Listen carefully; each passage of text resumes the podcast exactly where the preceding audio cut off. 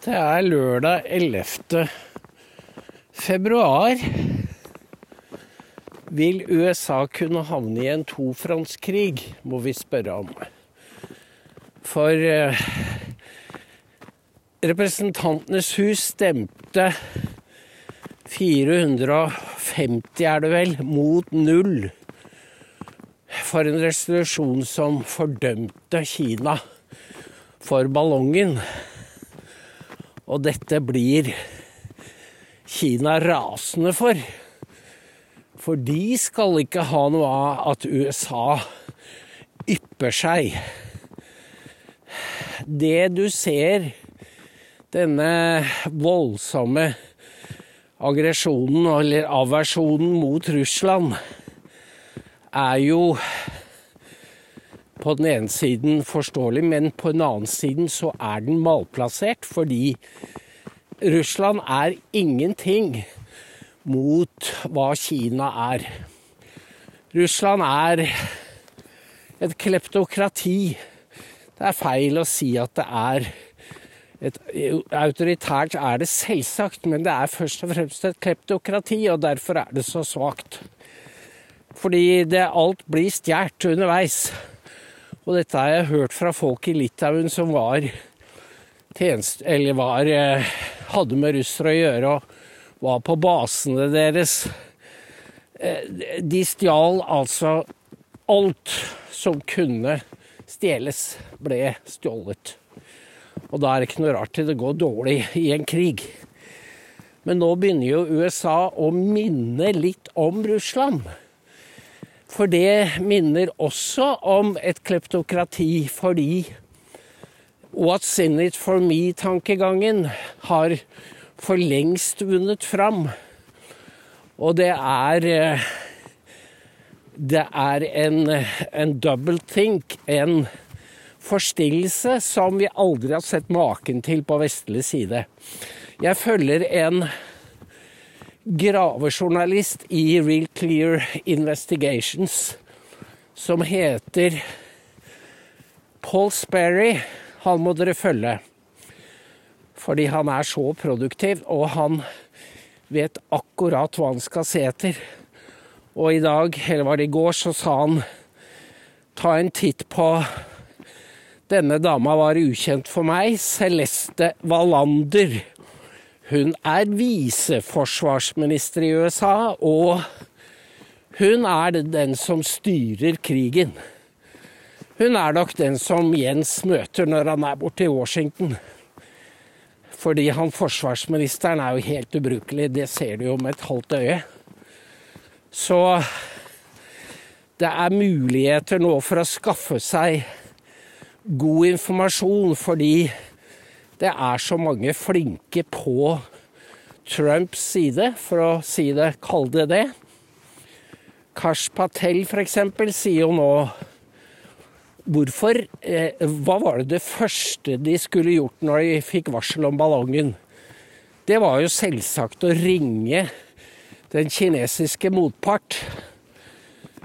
Mark Milley skulle ringt og spurt hva er det dere driver med? Og hvis svaret var tøvete, så skulle de bare skutt denne ballongen ned med en gang. Isteden så ringte de etterpå. Og da nektet jo Kina å ta telefonen.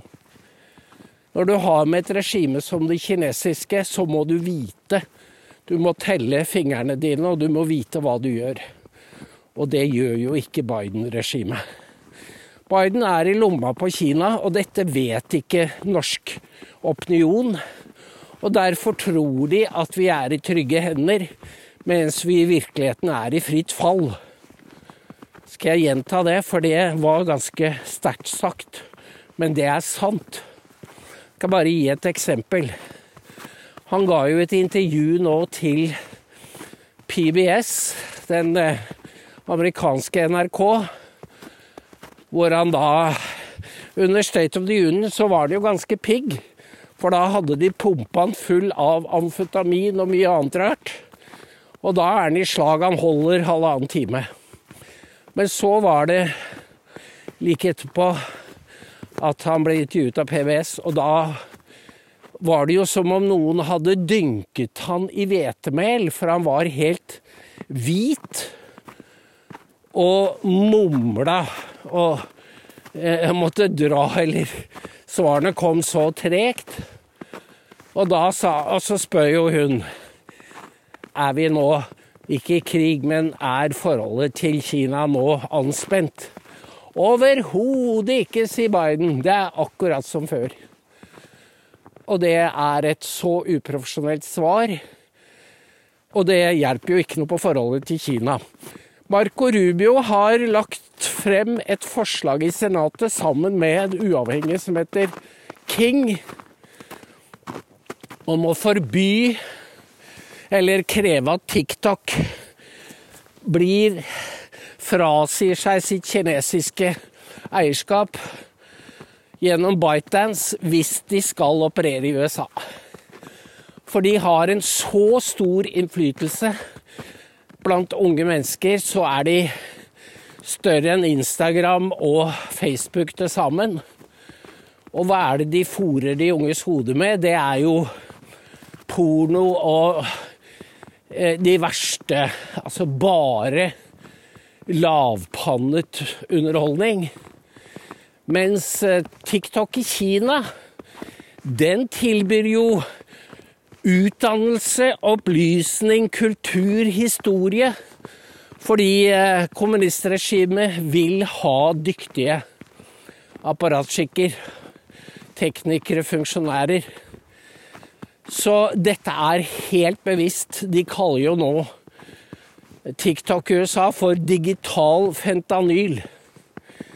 Dette var eh, Biden nevnte i State of the Union at det ble drept Jeg sier drept, jeg, for det er helt bevisst. 70 000 med fentanyl i året. 107 000 har overdoset til sammen. Og det er altså flere tusen i uka. Du hører ikke noe om det i norske medier, vet du. Og så sier han og dette må vi gjøre noe med. Og hvordan skal de gjøre det? Jo, ved mye sterkere kontroll ved innfartspunktene, dvs. Si flyplasser, jernbanestasjoner. Men dette er bare tull, for det er ikke der fentanylen kommer inn. Den kommer inn med Bidens immigranter over grensa i sør. Der flommer det inn, og det vet selvsagt Biden. Så han kastet bare blår i øynene på publikum. Fordi han vil ikke stanse fentanylen. Han er virkelig i lomma på Kina og lar amerikansk ungdom dø i tusen, titusenvis. Trump har jo nå sagt at eh, hvis han får sjansen, så blir det dødsstraff for disse kartellfolka. Og jeg tipper at han kommer til å bombe. Gi beskjed til regjeringa i Mexico. Stopp kartellene, eller vi bomber laboratoriene. Det tror jeg de kommer til å gjøre. Fordi Obrador lar trafikken bare flyte. Grunnelementene kommer fra Kina, og så fremstilles fentanylen i high-tech-laboratorier i Mexico. Dette er jo kjemisk krigføring, akkurat som covid-19 var biologisk. Det er det ganske mange amerikanere som har skjønt. Sånn at eh, andelen som likte State of the Union, var 36% men eh, de som mislikte den, var dobbelt, nesten dobbelt så mange. 66. Fordi folk har gjennomskuet Biden. Det er bare løgn. Og det er ikke bare løgn, det er en ondskapsfullhet i måten han serverer løgnene på. Det er som i Da han var visepresident, så var det jo en som sa at eh, når han, han var veldig ofte forbanna og skjelte ut medarbeiderne. Og da smilte han hele tiden. Og det har jeg sett, det derre ulvegliset hans. Eh, når han får et, et, spørsmål som er pinlig i full offentlighet, så begynner han å smile. Så det er en forsvarsmekanisme som viser Det er jo ulven som flekker tenner, rett og slett. Men eh, Marco Rubio, Little Mario som Trump sa, har da fremmet dette forslaget om å, for, om å kreve at TikTok enten blir amerikansk eller forbys USA. Og det vil jo kineserne reagere voldsomt på, selvfølgelig. Og nå over til Norge, fordi i begynnelsen av uka så hørte jeg jo justisministeren, Emilie Enger Mehl, forklare seg om sin bruk av TikTok på sin ugraderte tjenestetelefon. Hun har da flere. Og hun tar det ikke seriøst. Og så tror jeg dama ikke vet hva TikTok er. Altså hvilket instrument det er for Kina. Jeg tror ikke hun vet det, for hun hørtes rett og slett dum ut. Hun sa at eh, ja, ja, ja, det er jo så mange apper der ute, snakket hun opp. Men det er ingen som er som, er ingen som, er som TikTok og hva de kan hente ut av data. Jeg stoler jo ikke på denne her støvsugeren vi har, eller jeg, for den snakker jo den også. Og kartlegger Den kartlegger rommene. Så hvorfor skulle den ikke også fange opp både lokasjoner og sende det til ut? Hvorfor skulle den ikke det? Det er fullt teknisk, er det fullt mulig. Det går jo via wifi-nettet. Den logger seg på der. Og vips, så er det ute. Det er sånn eh, overvåkingen jobber i dag. Og det vil jo være smart, selvfølgelig. Akkurat som kjøleskapet kan overvåke, eller vil overvåke deg. Og bilen din. Og hvis folk fikk øynene opp for dette her, så ville de få helt hetta. Og de ville jo da skjønne at det, det er ikke så stor forskjell på Kinas kommunistiske parti og det norske Arbeiderparti.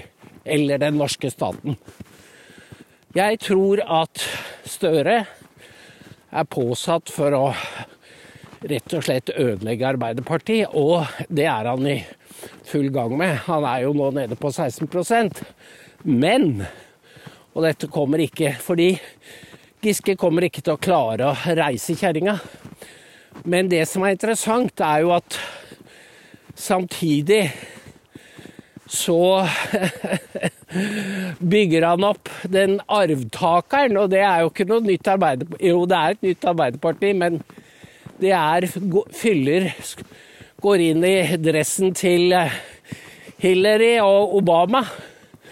Erna er de nye demokratene i Norge finner akkurat samme profil, politikk, globalister, som eh, er helt uten skrupler.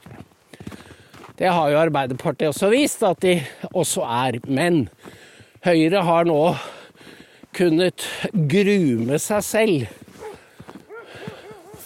Nå møter vi noen her, så nå må jeg ta en liten pause. Jeg må bare ta dem litt i bånd. Nå var du flink, altså. Veldig flinke jenter. Gunda, kommer du? Nå lar jeg bare båndet gå. Hvorfor kan de ikke holde seg unna skauen når vi er her? Det lurer jeg på. Hæ? Hva er disse folka her nå? Jeg blir litt sånn eh, Narvestad, vet du. Vi blir Narvestad. Vi er Narvestad oppi her. Så vi lurer på hvorfor Hvorfor må de gå i skauen når vi er her? Det er det. Kunne vel holdt seg unna nå. Ja, ikke sant, jenter? Men han Narvestad, han er borte, så vi får overta. For her er han Det er mange Narvestad her, altså. Ikke sant, Kunde? Nei, så landets justisminister, hun er virkelighetseksempel på at vi har fått en ny generasjon politikere som kan alt og forstår ingenting. Så her er det Her er det leir, vet du. Vi står og prater. Ja, ja. Nei, nei, nei. Jenter, Ikke dra sånn. Ikke dra sånn. Skal vi se, jenter. Nå skal jeg knippe av dere. Vent litt. Du skjønner, nå sitter Lars og koser seg. Lars syns det er så moro å høre på dere prater. Hæ? Ja det Det ender med at vi blir sånn live livesending fra skauen hver dag. Det kunne vært litt moro, rett og slett. Hæ? Hodekamera, altså. De du treffer, og så sier du ikke noe til de folka du treffer. Vet du, at, du, at du går rett ut på en live feed. Det hadde vært morsomt. Nei, men hun Emilie, jeg syns jo hun var veldig pen til å begynne med. Men eh, jeg har jo mista sansen når hun begynte å snakke pent om denne her rapperen borti Bergen, Kamelen, som jo er straffedømt. Syns han var så bra. Og stilte opp under den derre Fashion i en kjole som jeg nå har sett flere av. Det er sånn som disse Grammy-stjernene bruker, som overlater nesten ingenting til fantasien. Og hvis hun hadde vært en vanlig dame som ville gjøre seg bemerket, for det må du nesten ville når du går i en sånn eh, kjole hvor, hvor du rett og slett ser alt, og da mener jeg alt, så fikk det være hennes sak. Men jeg mener at når du er landets justisminister og skal være et eksempel og representere rettsvesenet, så går du ikke sånn eh, som Jeg har jo et norsk ord på, to, på tunga, men jeg skal ikke bruke det. Men det er jo rett og slett det folk tenker når de ser en ung dame som kler av seg og går nesten naken. Da har du ingen ære. Og det er merkelig at de ikke tenker på hva tenker innvandrerne om landets justisminister. Men det er som den knappen, den bryteren er helt slått av når det gjelder å være ekshibisjonistisk. For det er jo det de er. De er ekshibisjonister. Og jeg kan ikke skjønne at hun har behov for det, for hun er så pen at hun trenger da virkelig ikke det. Så nå holder det ikke lenger å ha en dyp utregning. Nå skal du vise frem alt. Dette er Romerriket. Men vi er, eh, vi er samtidig Vi er i krigens tegn. Og Biden har da ikke kontroll over Kongressen fordi han har fyrt, krigen har fyrt opp begge partiene, sånn at de nå krever handling. Og nå ble det jo skutt ned en ny gjenstand i går, som eh, John Kirby ikke ville svare på hva var. Og det var ikke engang Pentagon som kom og sa det. Det var noen journalister som visste det og stilte spørsmål. Så vi er i en meget anspent situasjon fordi Og derfor er det jo denne avsløringen med Nord Stream kommer på et meget ubeleilig tidspunkt for Biden-regimet. Fordi det er vann på mølla for Putin-regimet, selvfølgelig. Og vi skal ha en sending i kveld hvor jeg Og jeg snakker jo litt med Alf innimellom og det er ingenting som svekker hovedfortellingen. At det var amerikanerne som sprengte rørledningene. Det er nesten ikke til å fatte. Det er en arroganse, en hybris, et overmot, som er eh, ufattelig stort. Jeg hørte også i helgemorgen Først var det et intervju med den NRKs nye utsendte i Kiev, Kari Skeie.